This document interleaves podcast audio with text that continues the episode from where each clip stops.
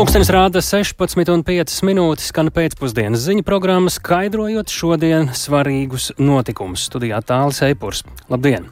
Tikko jau ziņās dzirdējām, ka Latvijas radio ēkā šodien sadūmojuma dēļ notika darbinieku evakuācija, un aptuveni pēc pulksten pusdiviem pēcpusdienā tika pārtraukti arī ētera raidījumi.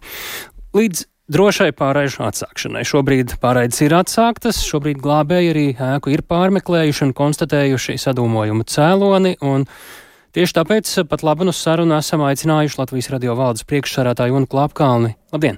Labdien! Kāds ir jūsu īsais kopsavilkums par to, kas ir noticis, kas klausītājiem būtu jāzina? Klausītājiem droši vien būtu jāzina tas, ka uh, sadūmojuma un tieši sadūmojuma nevis degšanas iemesls bija plānot remontdarbi. Uh, to droši vien neviens no mums īsti nevarēja paredzēt, ka uh, demontējot sienus, aiz tām atklāsies materiāli, kuri, jāsaka, padomju gadu pirmsākumos ir tur uzstādīti un kuri šo incidentu radīja. Tas, par ko man ir liels gandarījums, ir, ka mēs katru gadu veicam ugunsdrošības apmācības, kā rezultātā mēs visi esam disciplinēti un ēku atstājām tā, kā tas ir plānots, līdzīgi kā to mēs esam darījuši mācībās. Arī visas tehniskās pārslēgšanās notika tā, kā tas ir iecerēts. Kā, nu, jā, tas ir. Tas, tas tik tālu tā, tā viss ir bijis kārtībā, vai vismaz uh, ir bijis tā, kā tam būtu jābūt, apmēram, ja aizskaita pašu sadūmojumu. Uh, šobrīd tā, tā iemesls ir zināms. Uh, tā otra lieta. Uh, ko dzirdēja arī klausītāji, ka netika pārēdīts radiosaturs, izņemot bija šis paziņojums eh, vien brīdī šo, šo dažu stundu, pāris stundu laikā, kad tika pateikts, eh, kas īsti notiek eh, aptuveni, tik cik tajā brīdī bija zināms. Zinot, ka šādā ārkārtas situācijā vairākas stundas klausītāji nesaņēma radiosaturu, nu, tas pamatoti tajā brīdī var likt izdarīt minējumus, ka nu, kaut kas nav kārtībā, vai nu valstī, vai radio. To tajā brīdī radio klausītājs varbūt arī nevar izdarīt, īpaši, ja nav varbūt arī citu līdzekļu, kā noskaidrot. Un mēs arī zinām, ka, piemēram, tad, kad skan sirēnas, pat likums nosaka, ka jāslēdz iekšā ir tieši radio. Un, uh, Bija arī pandēmija, bija Ukraiņas kara sākums, eh, vairāki uh, nopietni iemesli, lai sagatavotos situācijām, kad uh, no šīs ēkas īsti raidīt nevar, kā tas bija arī tagad. Nu, un, uh, Kā jūs redzat, vai ir pamats, ka pēc apstākļu izvērtēšanas jau zināmajiem apstākļiem jums vai kolēģiem būtu pamats nopietni izvērtēt arī valdes locekļu, tā skaitā atbildību par tehnisko, par saturisko pusi šobrīd? Nu, šeit es uzreiz varu pateikt, ka, ja mēs runājam par atbildību, tad tā noteikti ir mana atbildība. Es neredzu, ka šeit būtu pamats izvērtēt kāda cita valdes locekļa atbildību. Attiecībā uz to, vai varēja reaģēt savādāk, droši vien tā mūsu reakcija bija fokusēta uz sociālajiem tīkliem, kur šīs atbildes bija sniegtas. Īsti nebija um, pamata um, iedarbināt citu um, mehānismu, kurš būtu bijis gadījumam, ja uh, no radio mājas nevarētu raidīt. No radio mājas translācija turpinājās, elektrība netika atslēgta un arī visi, visas sistēmas un viss pārējais darbojas no radio mājas. Kas ir jūsu pirmie secinājumi līdz ar to, pie kā būtu jāpiestrādā, lai radio klausītāji šādos brīžos varētu būt vairāk informēti? Varbūt? Nu, es domāju, ka tad patiesībā mums būtu jābūt gataviem varbūt mazāk. Uh, nopietniem incidentiem. Mēs patiesībā esam sagatavojušies nopietnākiem incidentiem, kad uh, no radio mājas nebūtu bijis iespējams raidīt. Šajā gadījumā no radio mājas viss tas, ko cilvēki ētrā dzirdēja, tas skanēja no radio studijas, um, Doma laukumā. Un, uh, un droši vien, ka tas, kas būtu jāsagatavo, ir kaut kādi tādi mazāki risinājumi šādām situācijām, kas praktiski arī ir iespējami, kad to var nu, mm. raidīt arī dzen, kaut vai no domu laukumiem. Kā jūs uztverat šo savu atbildību šajā gadījumā? Nu, es, domāju, ka, es domāju, ka gan kapitāla daļu turētājs šo manu atbildību izvērtēs, gan arī dzen, mēs paši izvērtēsim to, kādā veidā šī reakcija bija vai nebija pietiekama. Paldies par sarunu. Tā Latvijas radio valdes priekšsarātāja Jona Klapkalna dienā, kad sadūmojuma dēļ notika darbinieku evakuācija un uz pāris stundām arī bija pārtraukti ētera raidījumi. Paldies par sarunu. Mēs turpinām raidījumu pēcpusdienu un nu, arī par ārkārtas situāciju varam saukt aplidojumus un sniegus un uz ceļiem vietām vidzemē, arī Latvijas austrumos. Tur joprojām, kā izskatās, ir jābrauc ļoti uzmanīgi. Visticamāk, laikapstākļu dēļ šodien valstī notikuši arī vairāk ceļu satiksmes negadījumi, pēc kuriem galīgā palīgā bija jādodas arī um, tātad glābējiem. Plašāk gatavs par to ir pastāstīt Viktors Demīdovs, kurš pavisam nesen ir atgriezies no aizputinātās vīdzemes. Tieši sveiks, Viktor, pastāsti, ko tad esi novērojis šodien, cik izbraucami vai neizbraucami šobrīd bija ceļi? Labdien! Jā, nu šodien biju aizdevies uz Cēsīm un novēroju, ka līdz uh, Siguldai Plaskava šoseja nu, bija uh, viegli aizputināta. Izbraukt varēja bez lielām mm, piepūlēm, bet uh, um, otra josla bija nedaudz apladojusi. Autovadītāji kopumā brauc mierīgi, apzinīgi un drošības labad ātrums bija samazināts līdz 80 km/h, ierasto 90 vai 100 km/h. Nu, tas ir atkarīgs no laikapstākļiem. Tad eh, jāskatās. Un par ziemas tehniku runājot, tad eh, turpceļā es redzēju masu, tojoties Siguldē pamanīju tikai vienu traktoru, kas tīrīja šosei, bet atpakaļ ceļā jau pāris vismaz eh, tehnikas vienību. Un, Savukārt, ja runājam par tālāko ceļu līdz eh, cēsīm, tad eh, tur jau bija sliktākā stāvoklī.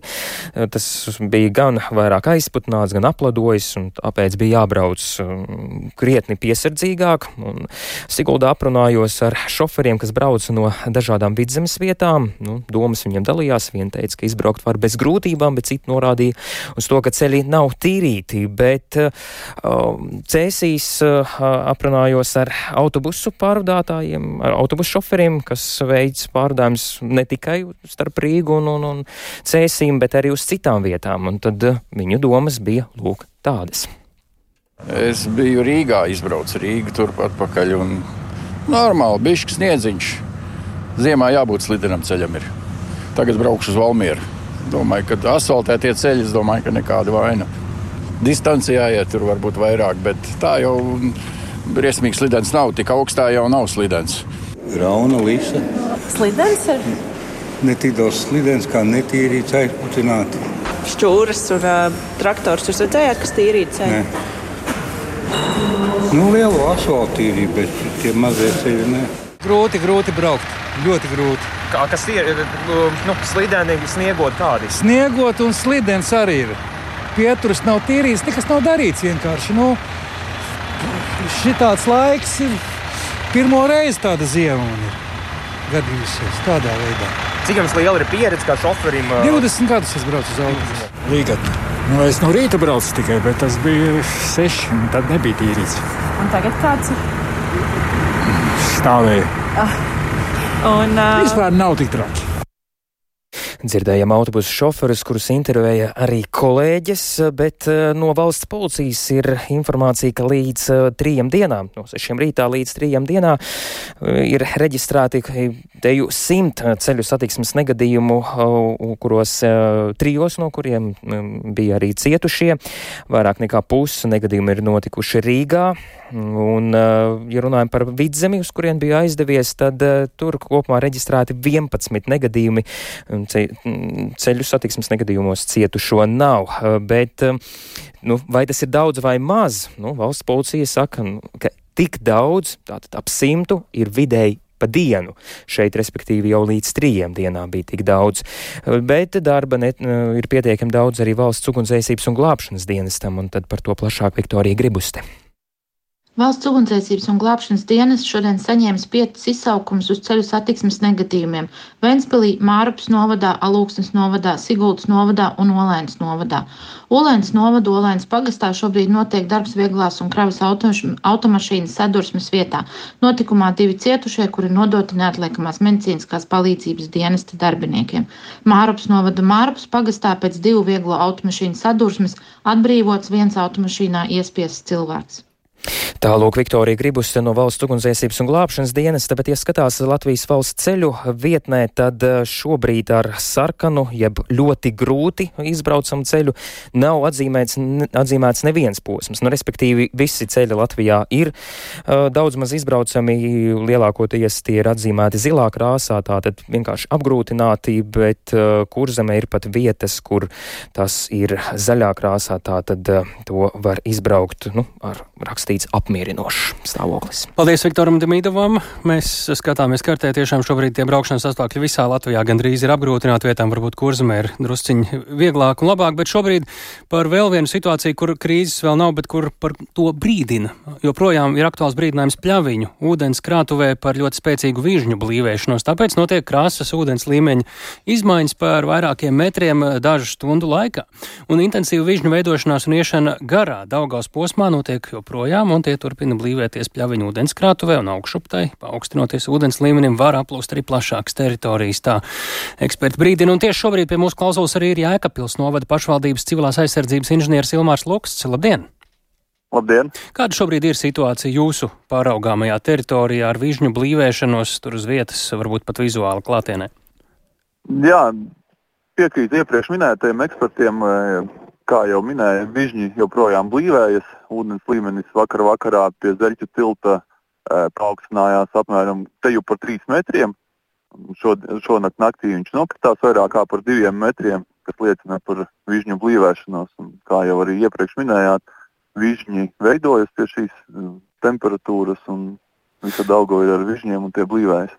Pēc jūsu pieredzes, ko jūs redzat, kas ir sagaidāms tuvāko stundu, diennakts, dienu laikā, jo līdzīgi laikapstākļi kā šobrīd vēl kādu brītiņu būs? Uh, Vižņi turpinās veidosies, veidoties, jā, un uh, nākamā nedēļa mēs sagaidām, kad uh, vižņu tā saucamā aste jau varētu būt tuvu Jēkabpilī, kur arī iespējams arī Jēkabpilī jutīsim kādas ūdens līmeņa izmaiņas. Šobrīd ūdens līmenis Jēkabpilī krītas, pazeminās, ir salīdzinoši zems. Ar ko jūs rēķināties kā tādu realistiski sliktāko scenāriju? Šobrīd eh, tas ūdens līmenis, šobrīd, eh, ņemot vērā, ka nav arī nekādu palu un kušanas, eh, varētu vienkārši pasvārstīties un skatoties laika prognozi arī ar laiku norimt, vai ir riska brīži šobrīd iedzīvotājiem, ar kuriem būtu jārēķinās? Nu, mūsu uzdevums ir gatavoties sliktākajiem scenārijiem un nu, cerēt uz labākiem iznākumiem, bet uh, vižņu, vižņu kustību un blīvēšanos ir ļoti sarežģīti prognozēt. Uz ko jūs aicinātu iedzīvotājus līdz ar to? Sekot ziņām, būt modriem. Šobrīd uh, sakām paldies par šo informāciju Māram Lukstam, Jākapils novada pašvaldības civilās aizsardzības inženierim. Tātad šobrīd joprojām ir ļoti aktuāls brīdinājums pļāviņu ūdenskrātuvē par spēcīgu vīžņu blīvēšanos un ūdens līmeņa svārstībām. Bet Arī ļoti ciešā saistībā ar laikapstākļiem mūsu nākamais stāsts, jo elektroenerģijas eh, tarifi šodien tika solīti īpaši augsti. Eh, tāpēc iedzīvotāji bija aicināti piedomāt pie patēriņa no pulksten astoņiem rītā līdz pusdienu laikam, kā arī pēc tam no trījiem līdz pieciem pēcpusdienā elektroenerģijas cena pārsniedz vienu vai pat pusotru eiro par kilovatstundu, tāpēc iedzīvotāji, kam ir noslēgta elektroenerģijas pakalpojumu līguma par biržas cenu, aicināti turpmākās dienas pievērst uzmanību gan šīm cenām, gan arī attiecīgi patēriņam. Sabiedrisko pakalpojumu regulēšanas komisijas enerģētikas departamenta direktors Jānis Negribs pie mūsu klausulas. Labdien! Labdien! Izstāstiet klausītājiem, kas ir reāli iemesli, kas ir likuši tā pēkšņi un krasi tik augstu cenai uzlikt. Elektroenerģijas cenu kāpums biržā ir saistīts ar augstajiem laikapstākļiem. Šobrīd temperatūra ir nokritusi zem vidējām mēneša normām un diezgan krietni zem vidējām mēneša normām.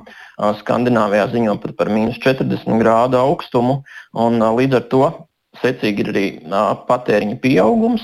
Ja mēs skatāmies uz 4. janvāra datiem, par kuriem mums faktiskie dati jau ir pieejami, tad salīdzinot ar 1. janvāru un ar gada nogali, tad šis patēriņš ir pieaudzis par trešdaļu gan Baltijā, gan Skandināvijas valstīs. Nu, vairāk elektrības izlietojam, lai nodrošinātu siltumu, komfortu. Droši vien redzam arī automašīnas. Ne visiem labi darbojās, kādi akumulātori jāpalādē un tam līdzīgi. Uh, Ja mēs paskatāmies varbūt uz Latviju, tad šis augstuma periods sakrīt ar palu periodu, kas mums sākās gada izskaņā, kad Daugavā paaugstinājās ūdens līmenis. Attiecīgi no Ziemassvētkiem elektroenerģijas ražošanā mēs kā valsts esam pašpietiekami. Spējam saražot visu nepieciešamo elektroenerģiju. Vienlaikus būtiski pieaugot šim patēriņam, kā arī atsevišķām ražošanas stacijām, nesot tirgu dažādu avārijas apstākļu dēļ, tā skaitā vēja turbīna apledojums un, un citi. Tas ir citās valstīs, de... ja? Jā, jā, citās valstīs pamatā ir, ir izveidojies šis deficīts Igaunijā un Somijā. Uh, tur šīs cenas šodien ir vēl augstākas nekā Latvijā, un, un daļa no šīs Latvijas saražotās elektroenerģijas tiek importēta. Uh, Bet, ja mēs skatāmies ilgtermiņā, tad tā, tā ir normāla situācija, jo vasarā, kad šī pietece Daugavā bija zema, un arī pērn, kad uh, gāzes cenas bija rekordaugstas, uh, situācija bija otrāda. Uh, mēs šo lētāko elektroenerģiju saņēmām no kaimiņu valstīm. Nu, tas ir tas, kā strādā Eiropas brīvā tirgus koncepts. Tas nozīmē, ka uh, tuvākajā laikā uh, pie līdzīgiem laikapstākļiem varam ar ko līdzīgu arī rēķināties. Nu, tā labā ziņa, ka rītdienas cenas uh, nepārsniedz vairs 300 eiro par megawatu stundu robežu. Uh, tur daļa ietekmes varētu būt tam, ka ir brīvdienas un brīvdienās tradicionāli patēriņš ir mazāks. Līdz ar to izlīdzinās šis patēriņa un, un, un saražotās elektroenerģijas uh, līdzsvara punkts. No pirmdienas savukārt laika prognozes vismaz uz kādu brīdi ir mērenāks ap 0 grādiem, bet nu, tādi zināmi riski, ka situācija var atkārtoties pie augstuma. Liela, jā, tāda iespējamība ir tāds drošs ticams prognozes sniegt nav iespējams. Nu, mēs šobrīd un citkārt satraucamies par lielajiem cenu lēcieniem, kurus mums jāmaksā dārgāk, jo kaut kur kaimiņu valstīs ir kāds iemesls, bet uh, cik bieži ir tā, ka uz viņu rēķina mums ir arī lētāka elektrība, krietni nekā mēs paši spētu saržot. Tāda situācija ir visnotaļ bieži, un īpaši mēs to izjūtam, kā jau minēju, vasarā, kad mums Daugos pietece ir salīdzinoši maza, kad termoelektrocentrāles nedarbojās šajā koģenerācijas režīmā, jo netiek ražota apkures siltums nu, tad mums pārsvarā var būt saules enerģija vietējā, un tas, cik, cik daudz tajā brīdī var izstrādāt, tad mēs saņemam šo lētāko elektroenerģiju no Skandināvijas valstīm. Cik daudz ir to lietotāju, elektroenerģijas vai klientu, dažādu veidu elektrības pārdevēju klientu, kuri ir pieslēgti šīm ļoti mainīgajiem tarifam, biržas tarifam, kuriem ir jārēķinās, cik liela daļa tirgus uh, tiek uzreiz ietekmēta šajos brīžos? Latvijā tās ir ap 15% mājsaimniecības un ap 50% juridisko lietotāju. Nu, Igaunijā, Somijā tie īpatsvari ir būtiski lielāki. Tur te ir 100% ir mainīgas cenas līgumi, tāpēc tur, tur uh, izjutīs sāpīgāk šos pīķus. Bet beig beigās par šo visu vidēji samaksā arī šo izlīdzināto tarifu plānu klienti. Ja? Ja tās cenas ilgtermiņā saglabātos augstas, tad, protams, mainoties tādam tirgus tendencē vai cenu līmenim, šajos fiksētajos līgumos tiktu iecenots. Bet šobrīd nav tāda indikācija, ka tas ir, ir ilgtermiņa tendence, lai pārskatītu varbūt šos fiksētās cenas līgumus. Jā, labi. Jā. Paldies par sarunu. To mēs sakām. Jānim Negribam, sabiedrisko pakalpojumu regulēšanas komisijas enerģētikas departamenta direktoram, un turpinām ziņu raidījumu pēcpusdienu. Šodien noslēdzas pārakstu vākšana referendumu ierosināšanai par partnerības institūta atcelšanu. Mēnesis ir pagājis šai parakstu vākšanai, un no referendumu ierosināšanai nepieciešamajiem vairāk nekā 154 tūkstošiem parakstu izdevies savākt vien nedaudz vairāk kā aptuveni septīto daļu. Kā vērtējam šādi rezultāti un vai vēlētāja aktivitāte ir parādījusi sabiedrības attieksmi pret partnerības institūtu, to šodien izzinājusi kolēģi Agnija Lāsdiņa. Sveika, Agnija! Nu, tu esi aprunājusies eh, gan ar partnerības likuma virzītājiem, gan ar parakstu vākšanas inicijējušo partiju deputātiem, kā viņi raugās uz uh, līdz šim savākto parakstu apjomu? Labdien! Nu, jāatzīst, ka saimas opozīcijas partijas ir paudušas, ka parakstu vākšanā cerēja uz lielāku iedzīvotāju atsaucību, un, kā norādīja saimas deputāte Romana Petra, Petraviča no opozīcijā esošās partijas Latvija pirmajā vietā, savākt vairāk nekā 154 tūkstošu parakstu nesot iespējams, jo pie pašreizējā iedzīvotāja skaita tas esot pārāk augsts slieksnis, neatkarīgi no tā, kāds būtu jautājums.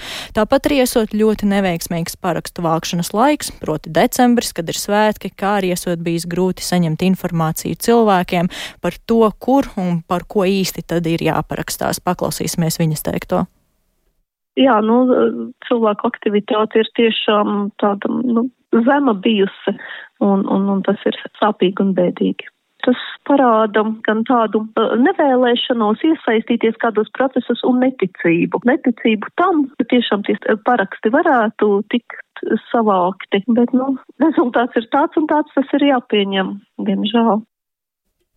Latvija pirmajā vietā esot darījuši tik, cik varējuši, gan informāciju publicējot sociālajos tīklos, gan runājot ar reliģisko organizāciju pārstāvjiem un taisot ar viņiem intervijas, taču, kā uzsvēra deputāte, tas nesot bijis tikai Latvija pirmajā vietā darbs. Un arī deputāts Edvards Smiltēns no apvienotā saraksta pauda, ka partija speciāli organizētas kampaņas nesot rīkojusi, jo nākamais un aiznākamais gads ir vēlēšanu gadi, tāpēc partijai nesot tik lielu līdzekļu, taču arī partija sociālajos tīklos ir aicinājusi sabiedrību parakstīties? Man galvenais princips bija sargāt demokrātiju, jo, ja saima rīkojas diametrāli pretēji tam, kā ir solīts vēlēšanās, tad tam jābūt ir caur sabiedrības autorizāciju. Protams, es aktivitāti sagaidīju lielāku. Tāpat arī saimas deputāts Jānis Grasbergs no opozīcijā esošās Nacionālās apvienības šorīt intervijā Latvijas rādio atzina, ka sajūta ir bijusi, ka iedzīvotāju aktivitāte parakstu vākšanā būšot augstāka. Tomēr saimas juridiskās komisijas vadītājs un koalīcijā pārstāvētās jaunās vienotības deputāts Andrejs Judins uzsvēra, ka ja kāds likumprojekts vai likums būtu svarīgs cilvēkam, tad nesot šaubu, ka viņš iet un parakstītu ierosinājumu. Un pēc Judina domām šis skaits nesot kā cilvēku vienaldzība, bet gan vienkārši attieksmes paušana.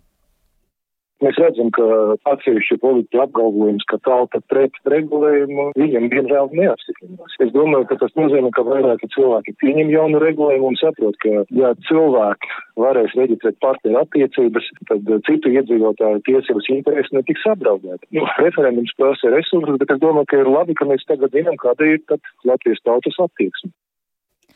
Kā izsakās žurnālists un politikas komentētājs Māris Zanders, tas skaits ir tāds, kāds tas ir, bet tas neatspoguļojot reālās sabiedrības sajūtas. Un viņa prāta skaits, kas ir parakstījušies, neparāda īsto situāciju, jo daudzi, kuri ir pret šo regulējumu, vienkārši neaizgāja parakstīties.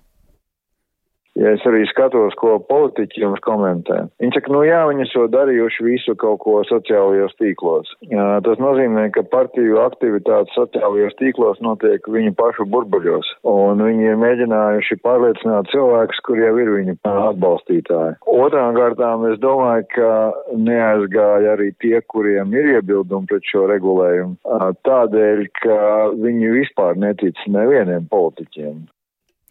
Referendums par partnerības institūtu atcelšanu visticamāk nenotiks. Tā intervijā TV3 raidījumā 900 sekundes šo, šodien atzina Centrālās vēlēšana komisijas priekšsēdētāja Kristīna Saulīte.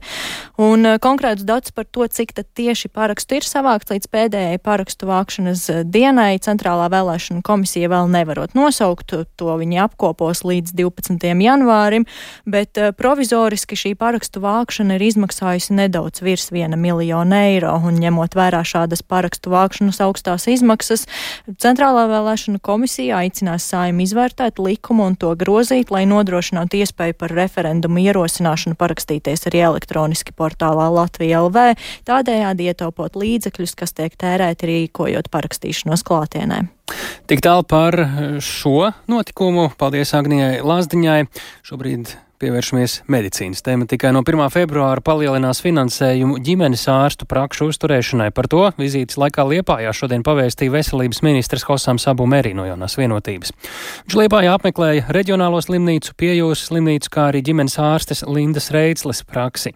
Ģimenes ārste Latvijas radio gan uzsvēra, ka šis palielinājums nesadz visus vajadzīgos izdevumus, bet tikai pusi. Tāpēc ārstu praksēs finansējums būtu jāpiešķir diferencēti, vērtējot reālo situāciju. Gadu mijā, kā zināms, jau notikušas sarunas ar ģimenes ārstiem par šo jautājumu. Par Liepājā apspriesto veselības nozarē vairāk Ingas Ozolas reportāžā.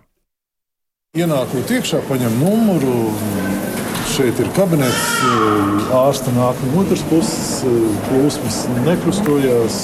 Ja ārsts pabeidz savu darbu, viņam ir iespēja strādāt Piektdienas rītā Liepājas reģionālās slimnīcas valde un Liepājas pašvaldības pārstāvi tikās ar veselības ministru Hosamu Abu Merī no jaunās vienotības, lai apspriestu gan 2024. gada budžetu veselībai, gan skaidrot reālo situāciju slimnīcā. Liepājas reģionālās slimnīcas ārstniecības direktors Edvins Striks uzsver, ka situācija šogad varēja būt daudz dramatiskāka, taču gada nogalē valdība piešķīra papildus finansējumu. Ministri tika izrunāti vairāk problēmu jautājumu. Protams, ka mūs interesē 24. gada budžets.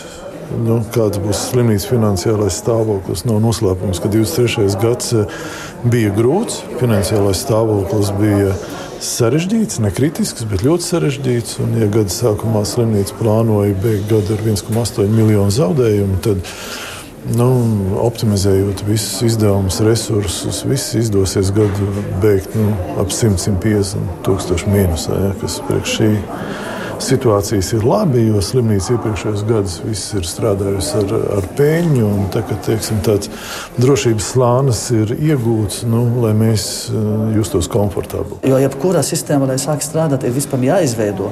Un pēc tam jāsadz, kā rezultāts sāk parādīt pēc kaut kādu laiku.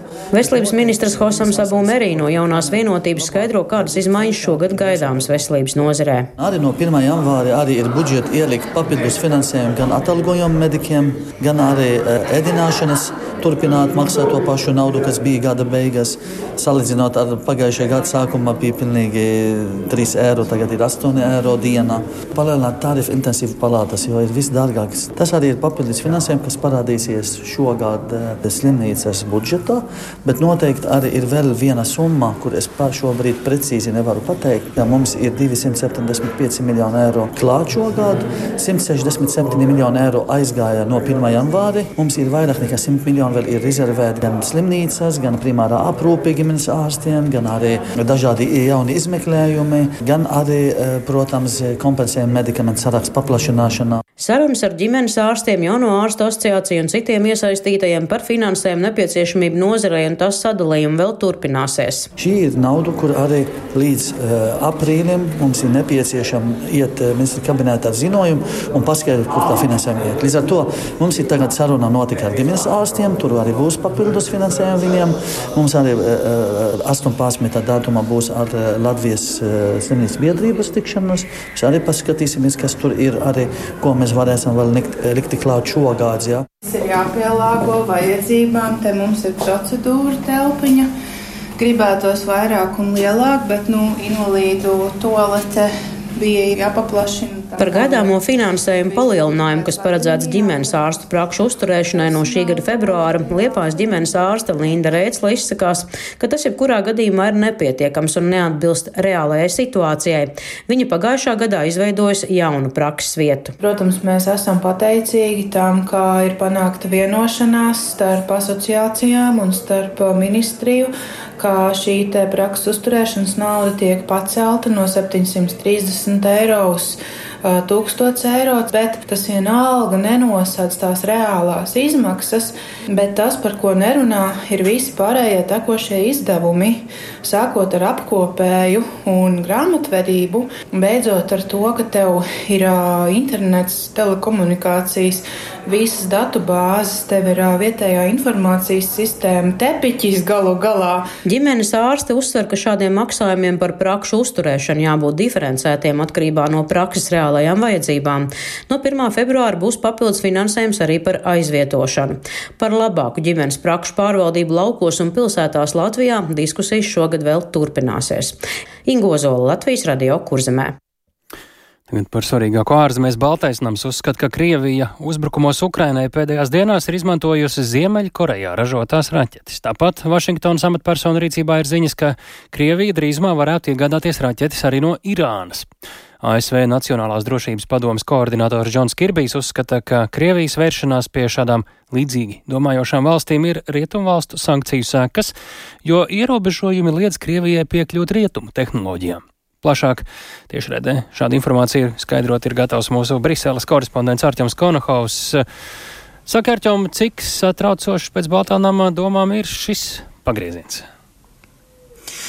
Tik tiešām šis pagrieziens ir visnotaļ satraucošs, jo tas parāda, ka Krievijas sarunas ar Ziemeļkoreju, ar Irānu sāk nest augļus, un uh, Baltais nams arī iepriekš ir norādījis, ka uh, daudz konteineru no Ziemeļkorejas ir nonākuši Krievijā, un tāpēc, uh, protams, no vienas puses šo varēja gaidīt, ka šo, te, šis, uh, šos ieročus Krievija sāks izmantot, bet uh, tagad uh, šī informācija arī apstiprinās, ka tik tiešām ap uh, jaungada mīju bijušas vismaz divas reizes, kad šīs raķetes ir pielietotas, un Baltais nams sagaida, ka tas varētu notikt arī turpmāk. Paklausīsimies, kā to komentēja ASV Nacionālās drošības padomas koordinators Kirbijs.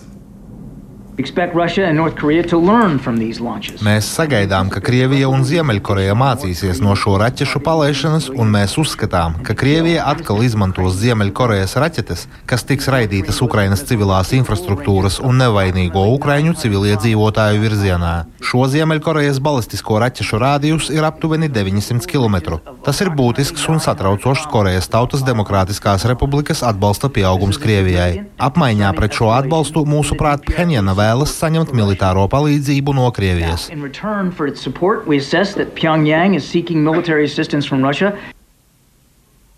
Tad tā bīstamība ir divējāda. No vienas puses, protams, Krievijai ir vairāk ieroču, ko izmantot karā pret Ukrainu, no otras puses, Irāna un Ziemeļkoreja nepalīdz jau tāpat vien. Krievijai viņa vēlas saņemt tās tehnoloģijas, kādu nav viņu rīcībā. Tas nozīmē, ka, pieņemsim, Ziemeļkoreja varētu kļūt bīstamāka tās kaimiņu valstīm, ja tā saņems no Krievijas kādus modernākus ieročus, kādi ir Krievijai pieejami, un tā varētu viņam iedot. Tas pats ir arī ar Irānu, jau iepriekš tika tika diskutēts par to, ka tās varētu būt kodola tehnoloģijas, ko Irāna varētu mēģināt saņemt. Un, protams, ja Irānai būtu kodola bumba, tad uh, pasaule kļūtu vēl nedrošāka. Un par to, uh, protams, ir visnotaļ liels uh, pamats satraukumam. Un tāpat arī Kirbijs ir sacījis, ka, protams, tas, šī palīdzība, šī situācija vēlreiz apliecina, ka ASV kongresam ir jāturpina palīdzēt Ukrainai un ka atbalsts ir jāapstiprina un tas ir jādara pēc iespējas ātrāk. Tāli. Ukraina, kā tā ir reaģējusi uz šādiem Baltānām paziņojumiem un novērojumiem? Ukraina pagaidām ir komentējusi šo visnotaļ skopu. Viņi ir sacījuši, ka jā, Baltais nams ir paziņojis šo, bet viņu rīcībā tādas informācijas vēl nav. Speciālisti pētīšot raķešu atlūzas un tad varēšot nonākt pie skaidrāka secinājuma, kādas raķetes ir izmantotas, bet pagaidām Ukrainas amatpersonas atsakās šo plašāk komentēt. Paldies, Sārķams Konohaus, tiešraidē no Briseles par jaunākiem Baltānam paziņojumiem par Ziemeļkorejas ieročiem Krievijas rīcībā, bet Izraels. Izraels kara ar terorismu grupējums Hamas pēc šī kara gazas joslā eh, ir eh, paziņots, ka neatjaunos, eh, netiks atjaunotas ebreju apmetnes, teritoriju pārvaldīs palestīnieši, taču Izraela saglabās militāru kontroli pār gazu. To paredz plāns, ko ir publicējis Izraels aizsardzības ministrs Joavs Galants. Ar plānu tiks iepazīstināts arī ASV valsts sekretārs Antonijs Blinkens, kurš šodien sāka vizīti tuvijos austrumos. Ulris Česbergs turpina. Jāvis Galants vakar rakstiski iepazīstināja ar savu priekšlikumu Gazas joslas pārvaldībai pēc kara. Tas paredz, ka vietējie palestīnieši būs atbildīgi par civilās administrācijas izveidi un darbu. Tas visticamāk nozīmēs to, ka Gazas pārvaldīšanā neiesaistīs palestīniešu pašpārvaldi, kas ir pie varas okupētajā rietumkrastā. Iemesls tam ir ārkārtīgi zemais atbalsts palestīniešu pašpārvaldei Gazas joslā, kur pēdējos 16 gadus valdīja Hamas. Arī palestīniešu pašpārvaldes līderi ir paziņojuši, ka viņi nav ieinteresēti iesaistīties Gazas valdībā pēc kara beigām. Galanta plāns arī paredz, ka Gazā neveidos ebreju apmetnes, kādas tur bija pirms 2007. gada, kad Hamas pārņēma pilnīgu kontroli. Būtisks plāna punkts ir tas, ka Izrēla faktiski saglabās militāru kontroli pār Gazu. Izrēlas aizsardzības spēki varēs jebkurā brīdī ieiet teritorijā, ja tiks uzskatīts, ka Gaza atkal rada draudus Izrēlai. Visticamāk, ka Izrēla pilnībā kontrolēs arī robežu ar Gazu. Plāns paredz, ka Izrēla pārbaudīs preces, kas būs paredzētas ieviešanai Gazā. Tāpat ir paredzēts, ka ASV kopā ar Eiropas valstīm un mēra suverenām Arābu valstīm uzņemsies atbildību par Gazas joslas ekonomisko atveseļošanu. Izraels premjerministrs Benjamins Netanjahu atbalstot Galanta plānu, bet pret to asi ir iebilduši vairāki valdības locekļi no galēji labējām partijām. Viņi uzstāja, ka Gazā ir jāatjauno ebreju apmetnes. Pagaidām Galanta plāns ir tikai teorētisks, jo tas vēl nav apspriests valdībā, un Gazā turpinās karš, kas, kā apgalvo Izraēlas valdība, varētu ilgt vēl mēnešiem. Vakar Netaņahu vēlreiz uzsvēra, ka Izraela neapstāsies, kamēr nebūs sasniegusi savus kara mērķus. Mēs esam apņēmušies pilnībā sasniegt savus kara mērķus, iznīcināt Hamas, atbrīvot ķīlniekus, nodrošināt, lai Gaza vairs nekļūtu par draudu Izrēlai. Un vēlamies būt droši, ka mūsu pilsoņi var atgriezties valsts ziemeļos un dienvidos, un tāpēc mēs pielietosim maksimālu spēku ar maksimālu precizitāti visur, kur tas būs nepieciešams. Šodien Izrēlā ieradās ASV valsts sekretārs Antonijs Blinkens. Tā ir viņa ceturtā viesošanās Izrēlā kopš oktobra. ASV valsts departamenta runas vīrs Metju Millers sacīja, ka Blinkena vizītes galvenais mērķis būs runāt par iespējām ierobežot Izrēlas sauszemes operācijas Gazā, paplašināt humanās palīdzības piegādes, kā arī mēģināt novērst iespēju, ka karš izplešas uz citām vietām reģionā. Viņš koncentrēsies uz to, lai novērstu konflikta paplašināšanos. Viņš apspriedīs konkrētus pasākumus, ko puses var veikt, tostarp to, kā tās var izmantot savu ietekmi reģionā, lai izvairītos no eskalācijas. Neviena, ne Izraēlas, ne reģiona, ne pasaules interesēs nav, lai šis konflikts izplestos ārpus Gazas joslas. Tuvo austrumu apmeklējuma laikā Blinkenam ir paredzēts piestāt arī Rietumkrastā, Ēģiptē, Jordānijā, Turcijā, Katarā, apvienotajos Arābu Emirātos un Sauda Arābijā. Uldis Česberis, Latvijas radio. Ko vēl par sportu? Latvijas kausā basketbolā šovakar notiks pirmā ceturdaļfināla cīņa, bet pārējās spēles šajā turnīra posmā gaidāmas rīt. Līdz turnīra labāko septiņu pulkam tikušas visas Latvijas-Igaunijas līgas komandas. Šoreiz nevienai zemākas līgas vienībai nav izdevies aizkļūt tik tālu. Un vairāk par Latvijas kausu izcīņā basketbolā jau to daļu mums ir gatavs pastāstīt kolēģis Mārtiņš Kļavenieks. Sveiks, Mārtiņ, kāda tad ir ceturdaļfināla pāri? Jā, sveiks tālu un sveicināti radio klausītāji. Nu, tā tad Ceturtajā finālā sāksies jau šodien, kā jau minēji, pusseptiņos vakarā, tepat Rīgas Olimpiskajā centrā. Un sāksies tātad Latvijas Universitātes Vēnspils savstarpējo dueli, un uh, šīs uh, divas komandas tad divu spēļu summā noskaidros, kur tad tiks uh, pusfinālā. Nu, un tāpat arī rītdien atlikušajos divos dueļos, kur spēlēs um, Ogra pret Liepāju un arī Rīgas zeļi pret Valmieras, Valmieras glāzes vidzemes augstskolu komandu. Nu, un tur princips tieši tāds pats, ka mm, tā tad eh, divu maču summā jānoskaidro uzvarētājs. Eh, nu, jā, nu, tas nozīmē, ka pirmajā spēlē var tikt ielikts pamatakmens. Eh, uzvaras izcīnīšanai vai tieši pretēji, jā, var arī sev apgrūtināt ceļu tikt tālāk pusfinālā, bet nu, jā, tā divu spēļu summa tur ir tā burvība, ka tu tomēr vari otrajā spēlē vēl atspēlēt, ja tu kaut kādu ūdeni tomēr esi tautā sakot izlējis pirmajā mačā. Jā, kā tad šobrīd izskatās, ir skaidri jau pietiekami favorīti, cik reāli, ka kauss varētu nonākt iepriekšējo īpašnieku VF rokās, vai visticamāk, ka ne šoreiz? Nu, VF droši vien cer, ka jā, Aha, jo gal galā tā ir nu, arī viena no viņas sezonas prioritātēm nosargāt šo kausu savā savā rīcībā. VF Rīga arī ir vienīgā komanda, kura tā tad spēlē nu, tādā uh, starptautiskajā arēnā, tādā nu, jau labi zināmā līgā, FIB Champions līgā, vienīgā no Latvijas šīm septiņām augstākās līgas komandām. Un tāpēc arī VF uzreiz ir ielikta pusfinālā vienā no pāriem, kur tad arī noskaidros, kurš tad viņiem būs pretī vai no Latvijas universitāte vai Vēnspils. Tāpēc ceturtajā finālā ir septiņas, nevis astoņas komandas. Ceturtajā finālā ir sešas, jā, un septītā VF tā tad ir šajā pusfinālā jau automātiski, mm. jā, jau viena vien no četrām vietām aizņēmusi. Un tālāk seši cīnās par atlikušajām trijām vietām pusfinālā. Nu, un tālāk jau lielais fināls, viena spēle, un tad uzvarētājs. Jā, ja VF tiek pāri pusfināla barjerai, tad finālā tā arī ir tikai viena spēle, un tur arī var izcīnīt uzvaru. Tā tad, kad ir gaidāmi arī pusfināli un fināls, un kad būs zinām līdz ar to arī kausa ieguvēji? Jā, tā tad, kā jau minēju, tad 5. un 6. janvārs ir šīs ceturtajā fināla spēles. Pēc tam arī tā tad vēl ir gaidāms 19. līdz 21. janvārs. Tās savukārt būs atbildes spēle šajā ceturtajā fināla barjerā. Nu, un tālāk jau tā tad, jā, nu, pēc tam arī ganam tālāk turpinoties tuvāk pavasarim, tad arī tiks noskaidroti uzvarētāji. Savukārt, nu, jā, tas katrā gadījumā katru gadu, vismaz pēdējos gadus ir bijis tāds šovs, viena no centrālajām spēlēm, bet nu, Latvijas kausa tika atjaunos 2020. gadā, tad pandēmija mm. iejaucās to pirmo kausu nemaz neizspēlēja līdz galam, un tālāk 21. 22. gads kausa ieguvēja tika noskaidrot. Nu jā, pēc 27 gadu pārtraukuma tika atjaunot kausa izcīņa. Paldies Mārtiņam Kļaviniekam, tik tālu par Latvijas kausa basketbolu, un tik tālu arī raidījums pēcpusdienu. To veidojām mēs, Tāls Eipors, Lauras Zvēnieks, Kaspars Groskops, Rīta Kārnača. Sakām, ka tiekamies atkal nākamajā darbienā pirmdien pēc ziņām 4 un 5 minūtēs.